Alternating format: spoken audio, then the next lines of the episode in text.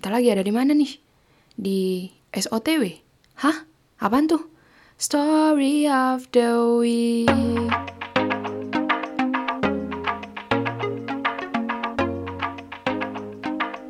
Selamat datang semuanya Sobat Winter. Aku ucapin selamat datang untuk para Sobat Winter yang baru aja gabung di podcast ini. Setiap minggunya, kita selalu ada episode SOTW, artinya Story of the Week, di mana aku akan membacakan sebuah cerita yang mungkin diadaptasi dari artikel atau dari sebuah buku atau mungkin curhatan dari sobat winter sendiri yang dimaksudkan untuk bisa kita ambil hikmah dari setiap cerita yang ada.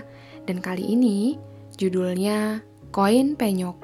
Cerita ini diadaptasi dari sebuah buku berjudul 101 Healing Stories karya George W. Barnes. Hmm, terdengar menarik? Oke yuk, langsung aja. Here we go.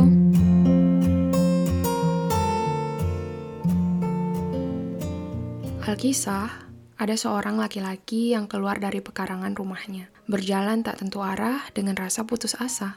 Sudah cukup lama ia menganggur, dan kondisi finansial keluarganya sangat berantakan. Sementara itu, para tetangganya sibuk memenuhi rumah dengan barang-barang mewah. Tapi pria ini masih bergelut memikirkan bagaimana cara memenuhi kebutuhan sandang dan pangannya dalam kehidupan sehari-harinya.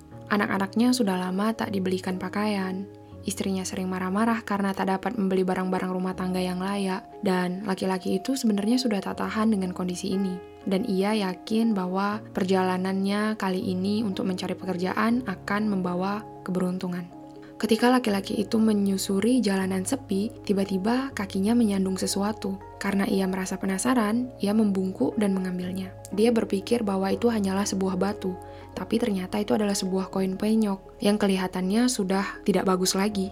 Ah, hanya sebuah koin kuno yang sudah penyok, gerutunya kecewa. Tapi meskipun begitu, ia tetap mengambil koin itu dan berpikir bahwa mungkin saja koin ini layak ditukarkan ke bank dan aku bisa mendapatkan uang, pikirnya. Dan setelah ia sampai bank, ternyata seorang pria berkata, Sebaiknya koin ini Bapak bawa saja ke kolektor uang kuno. Mungkin itu akan membawa keberuntungan untuk Bapak. Kemudian dia pergi ke seorang kolektor koin kuno. Dan beruntung sekali, si kolektor menghargai koin itu senilai 30 dolar. Karena begitu senangnya, lelaki ini berpikir apa yang harus dia lakukan dengan uang 30 dolarnya. Ketika dia melewati sebuah toko perkakas, dilihatnya beberapa lembar kayu yang sedang diobral atau diskon ya. Dan dia berpikir, Mungkin dia bisa membuatkan beberapa rak untuk istrinya karena istrinya pernah berkata bahwa mereka tak punya tempat untuk menyimpan toples.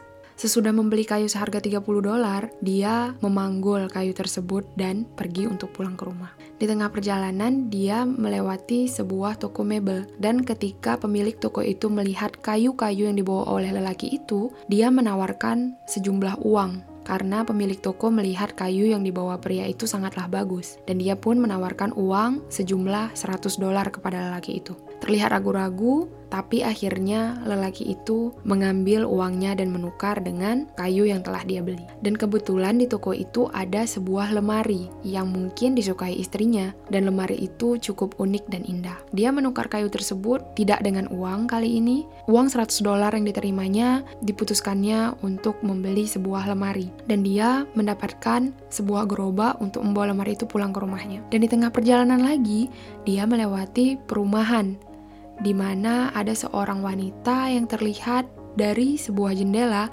sedang mendekorasi rumah barunya.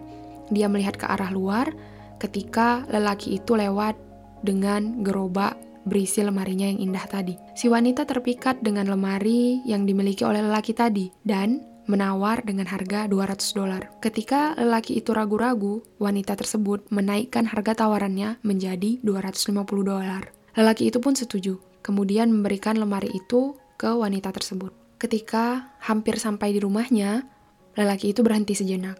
Dia hanya ingin memastikan uang yang sudah dia terima.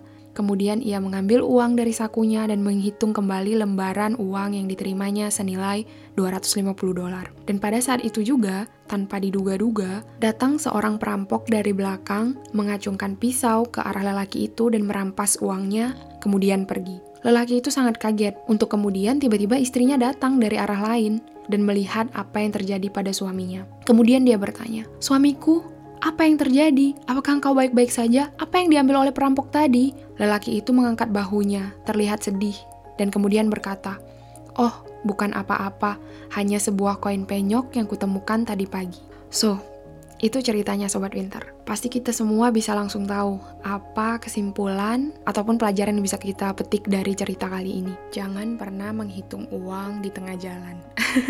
bukan, bukan itu itu juga bener ya. Tapi pesan seriusnya itu apa? Yap, bersyukur dengan apa yang sudah kita miliki. Sebenarnya ini tuh kayak nyambung banget ya dengan episode podcast yang sebelumnya, di mana sebenarnya awalnya lelaki itu tuh nggak punya apa-apa gitu ya. Sampai dia akhirnya menemukan koin penyok, sampai akhirnya dia mendapat lebih, mendapat lebih, menukarnya dengan ini, menukarnya dengan itu, dan nggak ada kepuasan dalam hatinya. Maksudnya, selagi aku bisa dapat lebih, kenapa aku harus berhenti gitu. Dia lupa kalau dia awalnya tadi padahal sama sekali nggak memiliki apa pun gitu ya. Padahal kalau bersyukur sedikit saja mungkin dia bisa membawa sesuatu pulang untuk istrinya. Entah itu lemari ataupun kayu yang tadi dibelinya. Tapi ada satu hal yang harus kita contoh juga dari lelaki ini, yaitu hebatnya lelaki ini, dia tidak sedih dengan musibah yang baru saja menimpanya. Seluruh uang yang dimilikinya hilang begitu saja. Tapi dia tahu sebenarnya itu tuh bukan milik dia juga. Itu semua tuh cuma titipan. Sama kayak kita hidup di dunia ini gitu ya semuanya tuh titipan. Jadi kalau kita merasa kehilangan, harusnya balik lagi ke konsep kita tuh sebenarnya nggak punya apa-apa. Jadi kalau ada yang hilang dari hidup kita, ya harusnya diikhlasin gitu. Even kehilangan itu berat, sangat-sangat berat. Soalnya aku pernah mengalaminya. Tapi lagi-lagi dari setiap musibah yang ada pasti ada hikmahnya. Dari sini mungkin ke depannya lelaki itu bisa belajar untuk menjadi pribadi yang pandai bersyukur. Sekian episode kali ini. Sampai ketemu di episode Story of the Week berikutnya. Bye.